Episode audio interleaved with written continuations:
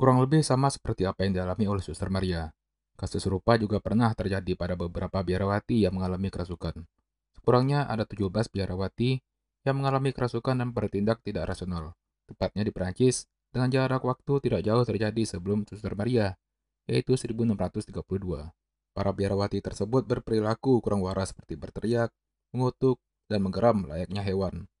Kejadian ini membuat yang melihat kejadian tersebut merasa ketakutan. Peristiwa ini menjadi kontroversi dan pada akhirnya menarik perhatian pendeta dan dilakukanlah penyelidikan yang melibatkan otoritas gereja. Dari kasus ini, seorang pendeta setempat dituduh sebagai penyebab atas kasus kerasukan. Ia adalah pendeta Urban Grandir. Yang diketahui ternyata ia adalah seorang penyihir dan telah melakukan perjanjian dengan iblis atau Lucifer. Dengan kekuatan yang ia dapat dari pemujian sesat tersebut, ia pun dapat memerintahkan para roh jahat untuk merasuki suster malang tersebut. Tanpa banyak pertimbangan dan pengadilan, pendeta tersebut pun dinyatakan bersalah. Menurut sumber yang ada, Ruben Grandir dinyatakan bersalah tanpa pengadilan terlebih dahulu. Ia dinyatakan bersalah atas kasus praktik ilmu sihir, tindakan kejahatan dengan ilmu sihir, serta menyebabkan beberapa biarawati kerasukan. Atas tuduhan tanpa penyelidikan ini, Ruben Grandir dibawa ke lapangan umum yang kemudian diikat di sebuah pajang lalu dibakar hidup-hidup. Meski telah dibakar, hukuman mati pada sang pendeta tak menghentikan kasus kerasukan yang menimpa para biarawati di biara tersebut. Selama lebih dari tiga abad, Suster Maria menjadi sosok yang misterius. Baru hingga kini, sekelompok peneliti yang sebelumnya memecahkan isi pesan surat tersebut, Daniel Abate, direktur dari Ludum Science Center, mencoba mengidentifikasi sosok dari Suster Maria. Ia merekonstruksi psikologis dari Suster Maria, guna memberikan penjelasan dari sisi medis berkaitan dengan siksaan yang ia alami.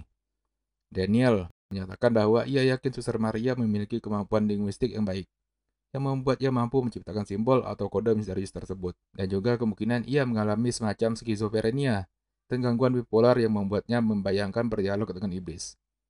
Daniel menambahkan bahwa kemungkinan ia mengalami stres menjalani hidup sebagai bangsawan yang tinggal di biara, sehingga memberikan ia tekanan secara psikologis dan membuatnya mengidap skizofrenia, yang membuatnya menulis surat tersebut. Meski demikian, pihaknya tetap merasa terkejut dengan penemuan ini, walau tak semuanya isi pesan tersebut dapat terpecahkan. Sungguh sebuah kemungkinan apabila gaya hidup Suster Maria selama tinggal di biara menyebabkannya memiliki gangguan mental tersebut. Tekanan hidup untuk mengabdi sepenuhnya pada keyakinan yang ia miliki bukanlah hal mudah, sehingga dapat memperparah kesehatan mentalnya. Sungguh sebuah kemungkinan dengan kemampuan linguistik yang ia miliki, ditambah gangguan mental menyebabkan ia menuliskan simbol tersebut untuk menutupi gangguan mental yang ia alami. Dengan terbatasnya perkembangan ilmu pengetahuan dan medis kala itu, kita akan pernah tahu berapa banyak kasus kesurupan, histeria, atau gangguan lainnya sungguh terjadi. Entah itu sungguh surat dari Lucifer melalui Suster Maria atau gangguan yang ia alami. Ini adalah sebuah misteri yang dapat membuat bulu kuduk merinding dan memberikan kesan misteri yang sebenarnya.